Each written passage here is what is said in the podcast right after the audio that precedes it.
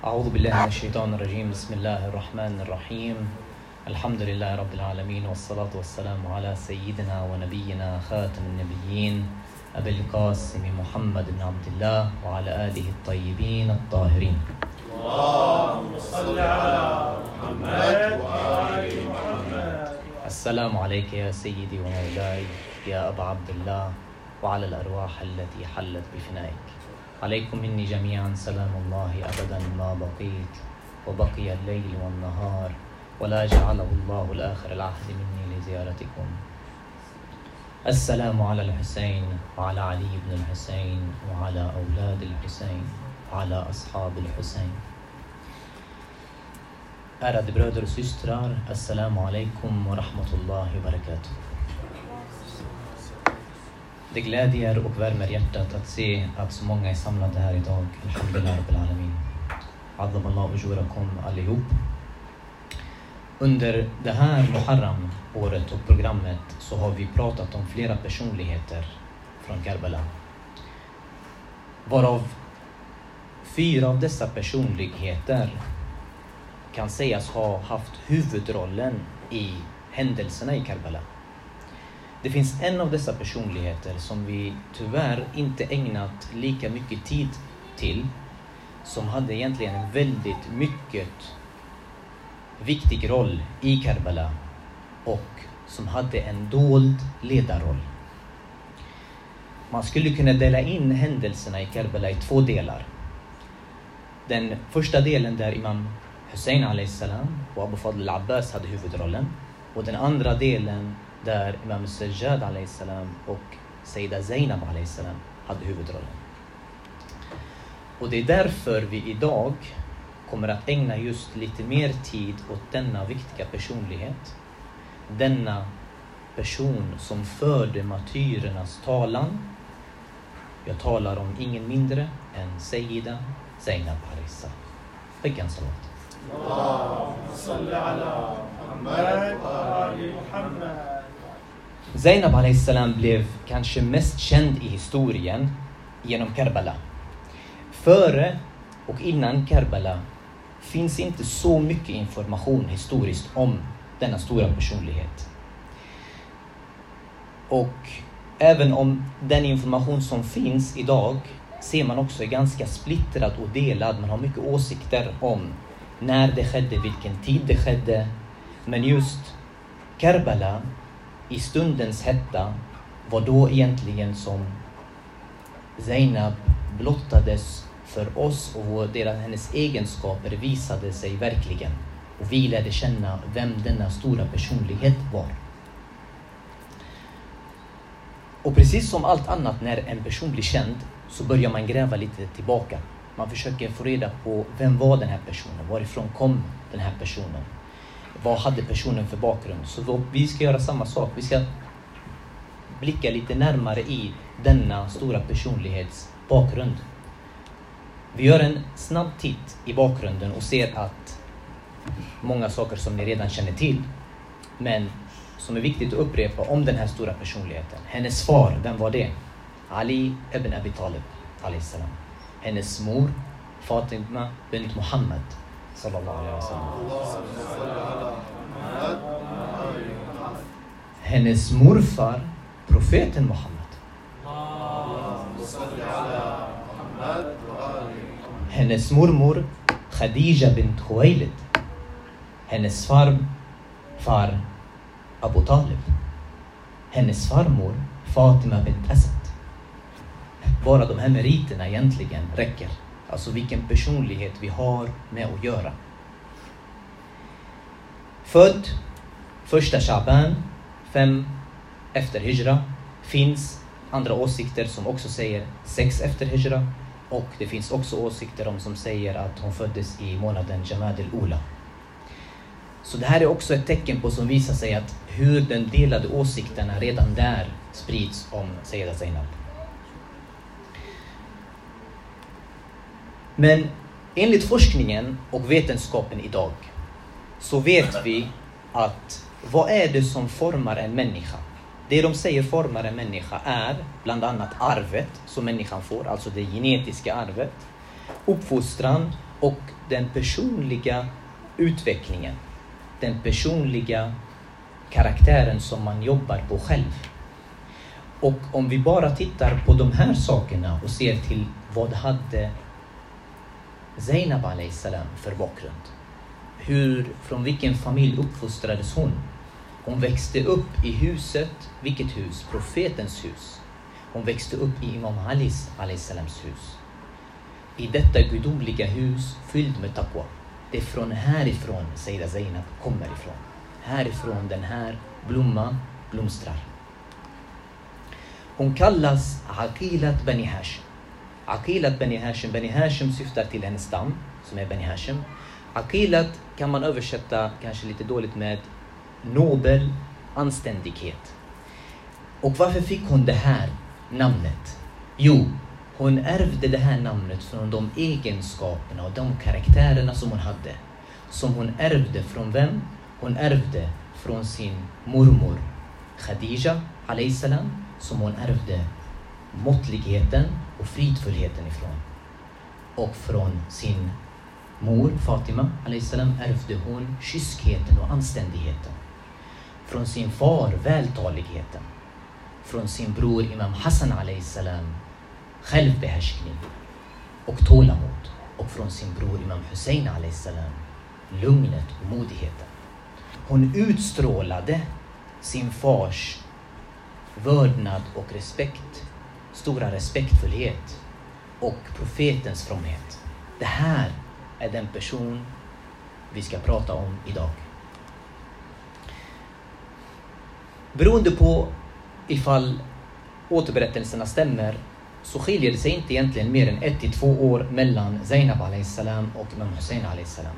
Och som vi vet, barn som är jämnåriga och växer upp får mycket närmare kontakt än kanske barn och syskon som har ett större eh, antal år emellan sig. Och en ganska intressant undersökning har visat att den relationen som barn har vid tidig ålder den representerar och kommer återspegla den rollen som de har när de blir stora. Och det var där vackert att se vilken roll eh, och även vilket band Sayyida Zainab hade med Imam Hussein och Hassan redan vid den åldern. Om vi utgår från Shaban så betyder det att om Sayyida Zainab föddes i Shaban så betyder det att vi har egentligen de, alla de här fyra huvudrollerna i Karbala som föddes under samma månad, Shaban månad. Och vad är särskilt med Shabans månad? Det är ju profetens månad. Vid namngivning av Sayyida Zainab så hade Imam Ali salam och Fatima Zahra som tradition. Man gick alltid till profeten. Varje barn som föddes, de gick till profeten. Han skulle namnge barnet. Och precis som Imam Hassan, med Imam Hassan och Imam Hussein så gjorde de samma sak med Sayyida Zainab. De gick direkt till profeten och bad honom namnge denna dotter. Han gjorde Adan i högra öra och ikama i vänstra öra. Och ängeln Gabriel salam uppenbarade till profeten med namnet Zainab. Och det här namnet var väldigt älskat av Imam Ali salam. Han kom att namnge tre av sina döttrar Zainab. Zainab al-Kubra, Zainab al-Wusta och Zainab al-Sughra. Endast fem år syskon, endast efter fem år, så förlorade hon och separerades hon från sin morfar, profeten Muhammed och sin mor Fatima Zahra.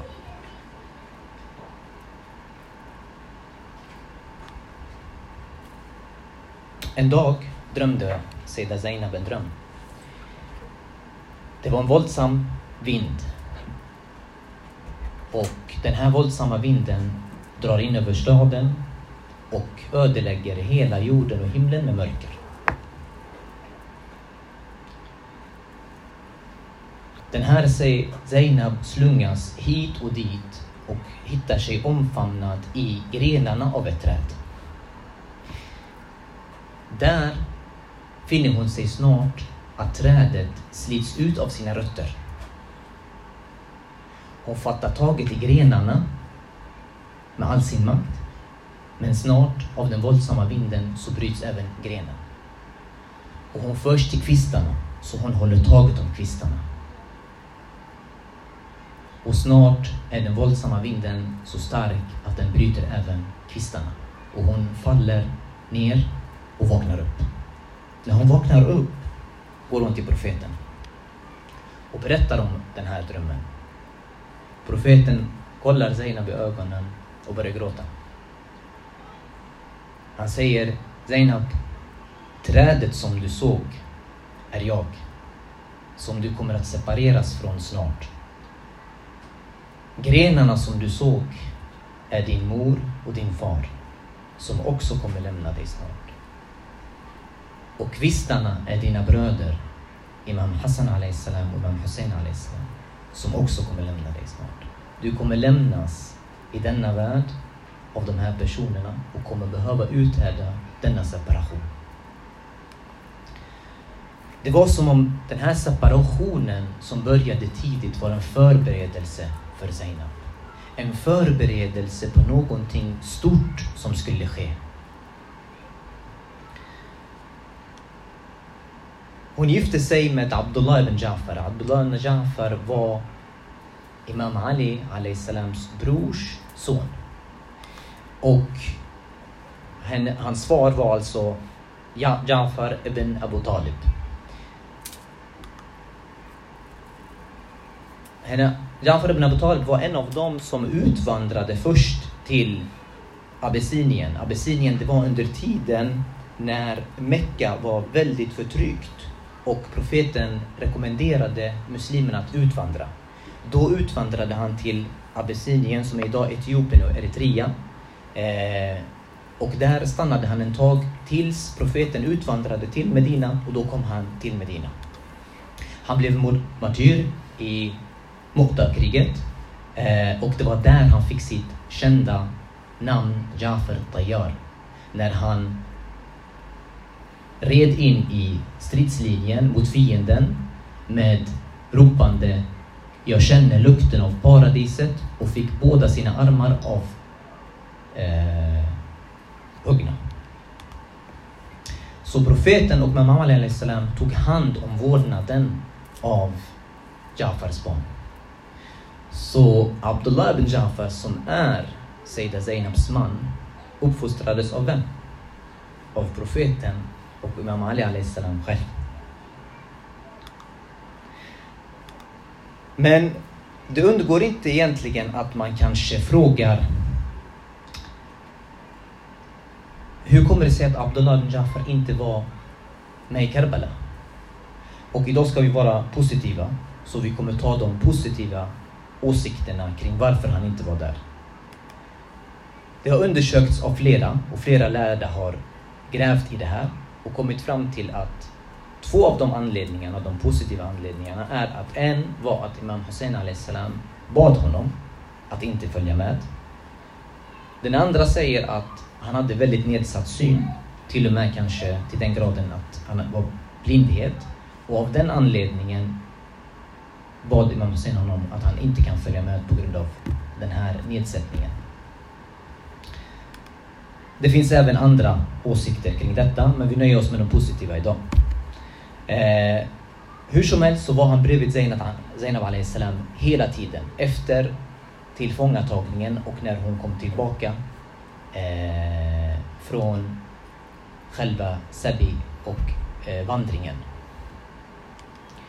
Deras barn, Ali, Mohammed Aun, Abbas och dottern Umm Kulthum kanske mest känd för oss är Mohammed Duhan som vi läser mycket om i just Karbala och som blev martyrer där.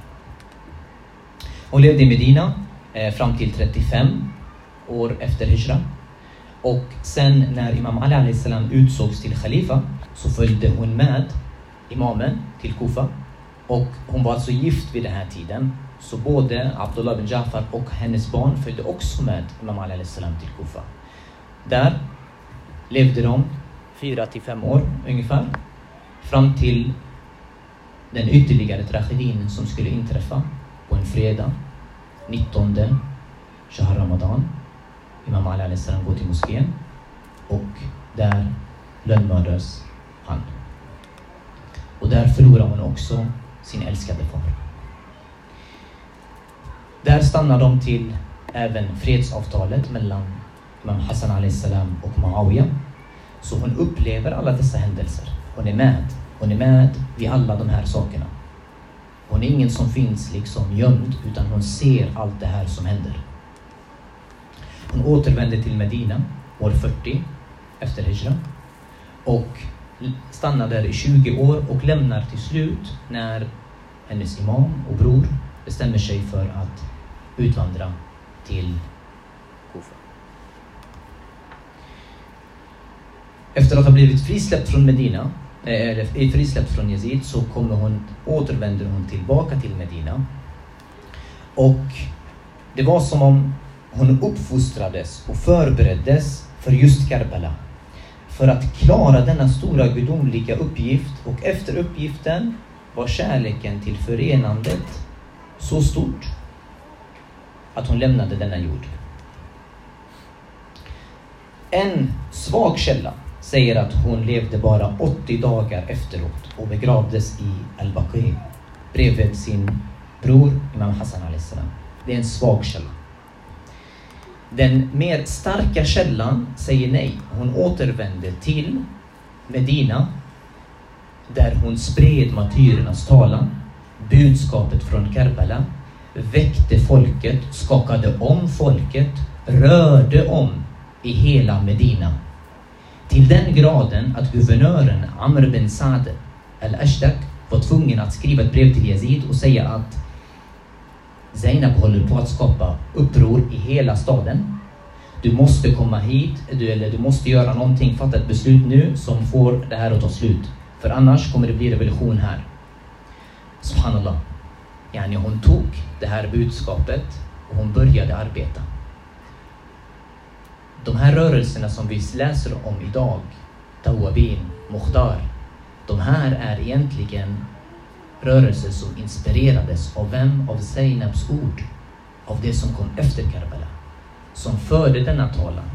För hur hade vi fått det om inte Zainab hade sagt det till oss? Guvernören meddelar Zainab att hon måste lämna.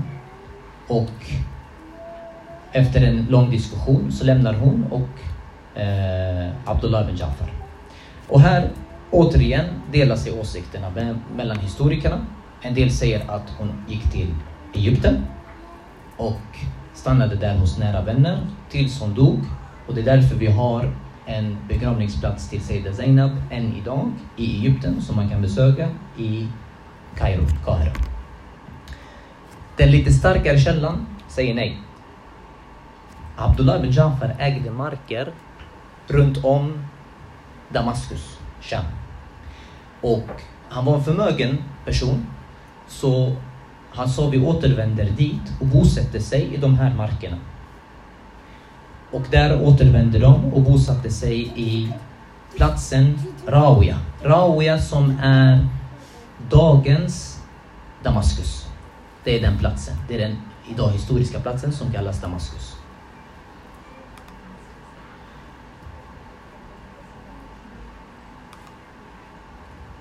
Om man skulle utvärdera, göra en utvärdering på den tiden, samla alla kvinnor, alla kvinnor som levde på den tiden och utvärdera alla kvinnor, då skulle man kunna se och komma fram till att Zainab salam besatt den största personligheten och mest nobla egenskaperna av alla kvinnor på den tiden. Alltså jag pratar 60 efter Hijra, på den tiden.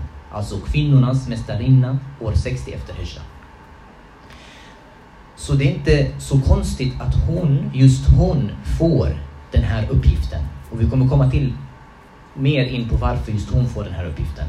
Men först brukar man tyvärr behöver ta upp en sak. Ibland brukar man tala lite nedlåtande om Seida Zainab och det är att hon följde med för hennes brors skull eller hon tyckte om sin bror eller på grund av släktskapsbandet. Men sanningen är att det här var någonting mycket mer och högre än så. Det var välplanerat, förberett, sen långt innan. Det fanns någonting mer än bara att hon är, inte på grund av hennes, bara hans syster, utan det fanns någonting mycket, mycket djupare än så. Imam Hussein salam började långt innan. För att vi vet alla om, och låt oss idag tala i klarspråk. Vi vet alla om, lägg de politiska aspekterna åt sidan, lägg de filosofiska aspekterna åt sidan. Vi vet alla att Imam Hussein salam redan visste att han gick till Karbala för att bli martyr. Profeten sa det till honom. Imam Ali salam sa det till honom. Hans mor Fatima sa det till honom. Hans bror Imam Hassan sa det till honom. Han visste redan. Han visste om detta. Så han förberedde redan sedan innan den här revolutionen som skulle komma. Och det handlar inte om en fråga om trohetsed. För att även om Yazid hade struntat i trohetseden så skulle inte Imam Hussein al-Islam kunna vara tyst när en tyrann som Yazid sitter där. Och vad behövs när du ska förbereda för ett krig? Vad behövs? Du behöver förbereda armén och det gjorde Imam Hussein. Han valde ut sin befälhavare, Abu Fadl Abbas salam. Men du behöver också någonting annat. Du behöver inte bara en armé, du behöver någonting annat. Vad behöver du mer? Du behöver media. Media. Någon som kan föra vidare budskapet. För vad händer idag syskon när du går in i ett krig? Idag vanlig krigföring. Om du inte har media, så vad kan din fiende göra? Utnyttja situationen och dölja dina resultat, din prestation. Och vem ska veta då att du har lyckats eller vad du har åstadkommit? Hur, hur får vanliga människor som oss reda på vad som har hänt? Om inte det finns någon som kan sprida och föra budskapet vidare. Och där börjar vi förstå Zainabs roll. Krigets regler på den tiden var ganska intressant. De var väldigt ignoranta personer eh, på den tiden. Men om man ska säga att de hade någon bra egenskap så hade de ett par krigsregler som de följ, försökte följa. Inte alltid följde, men de hade en väldigt viktig krigskod. Och krigskoden på den tiden var att man dödar inte kvinnor och barn. Man tar dem som slavar. Man dödar dem inte. Det var en röd gräns på den tiden. Oftast, ska vi säga. Så den här krigskoden på den tiden skapade ett skyddande barriär för Seida Zainab, en kvinna, att ta en ledarroll och kanske uttrycka sig lite hårdare på ett sätt som vår imam, Mam Sajjad, inte kanske kunde göra.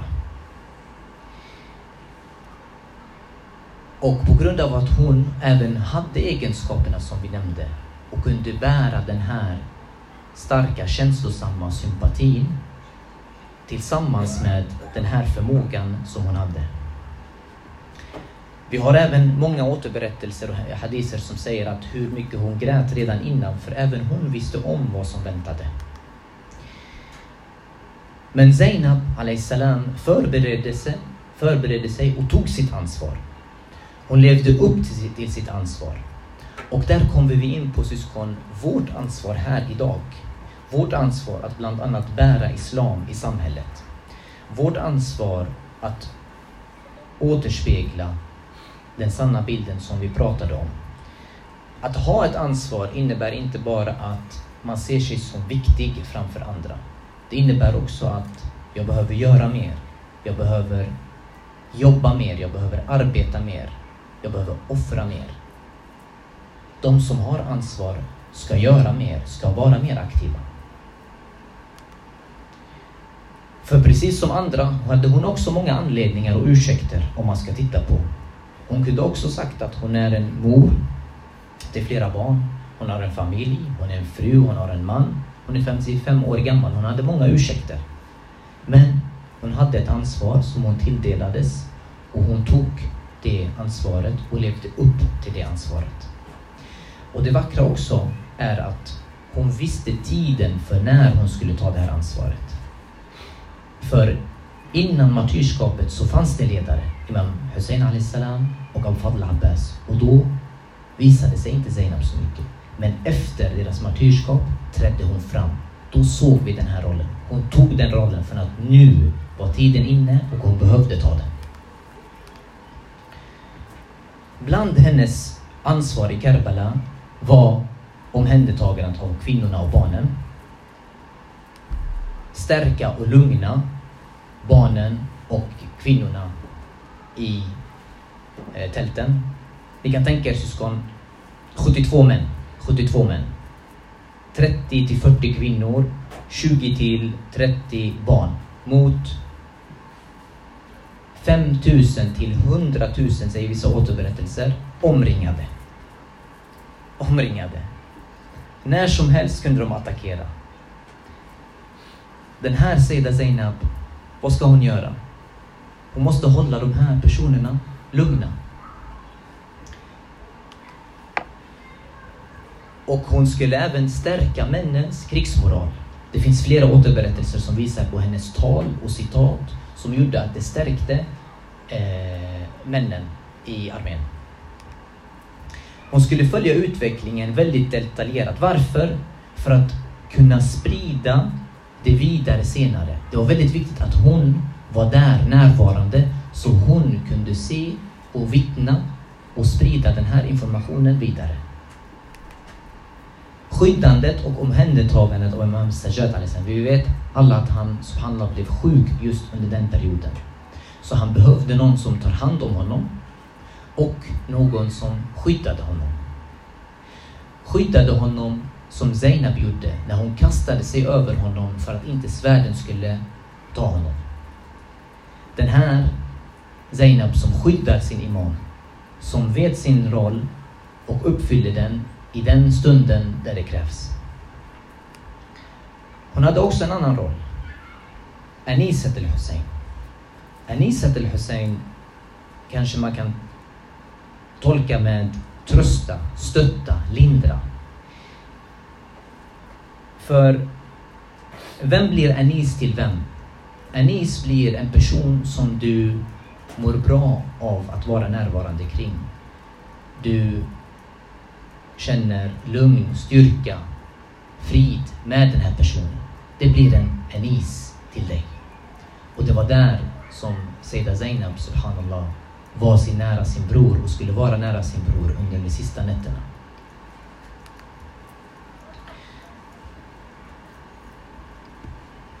Och stunden kommer då hon behöver lugna dessa barn, trösta dessa barn. Tänker alla barn som springer runt omkring, tälten som brinner. Det här var vanliga människor, vissa, vissa vanliga människor. Och Saida Zainab står inför 72 martyrer bland sju, åtta stycken som är hennes syskon. Och hon ska fånga dessa barn som springer vilse, vissa i panik. Hon ska lugna dem, låta dem hämta andan. Och hon ska förbereda dem på en marsch som är 800 kilometer lång, som de ska vandra med fastklämrade händer och fötter. När hon kommer fram till Yazids sal och här försöker Yazid förnedra henne, provocera henne. Och hon dras inför den här salen. Och han säger, såg ni hur Gud gjorde oss segrande? Hur vi dödade era män? Som försöker håna och provocera. Men vad svarar Zainab? Vad svarar Zainab? Ni vet när en person försöker provocera dig.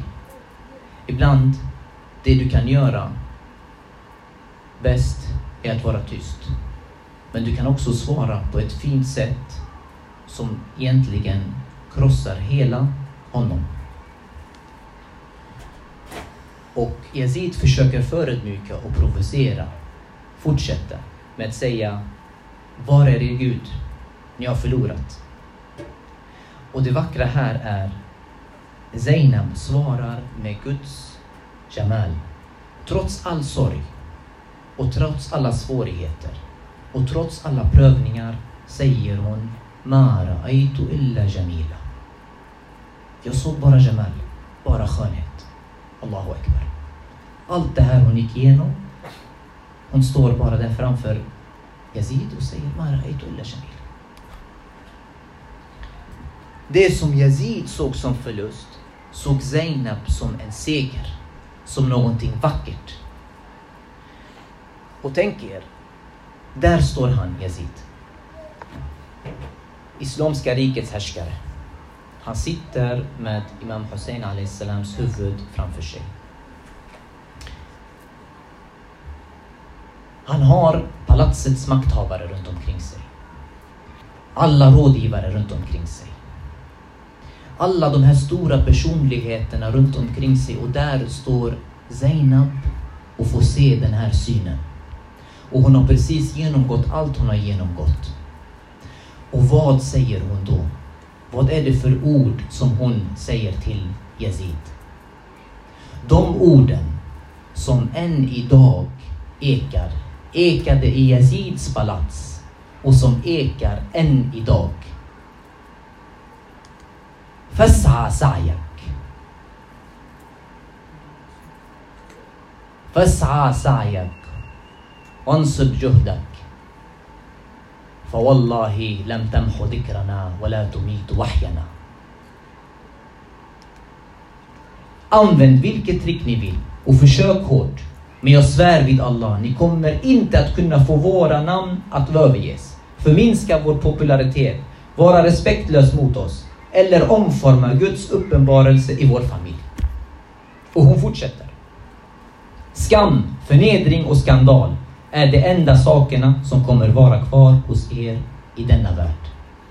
Orden som ekade då i Yazids palats och som ekar än idag i denna värld. السلام عليك يا سيدي ومولاي يا أبا عبد الله وعلى الأرواح التي حلت بفنائك عليكم مني جميعا سلام الله أبدا ما بقيت وبقي الليل والنهار ولا جعله الله لآخر العهد مني لزيارتكم. السلام على الحسين وعلى علي بن الحسين وعلى أولاد الحسين وعلى أصحاب الحسين. الذين والسلام عليكم ورحمة الله وبركاته. الله على محمد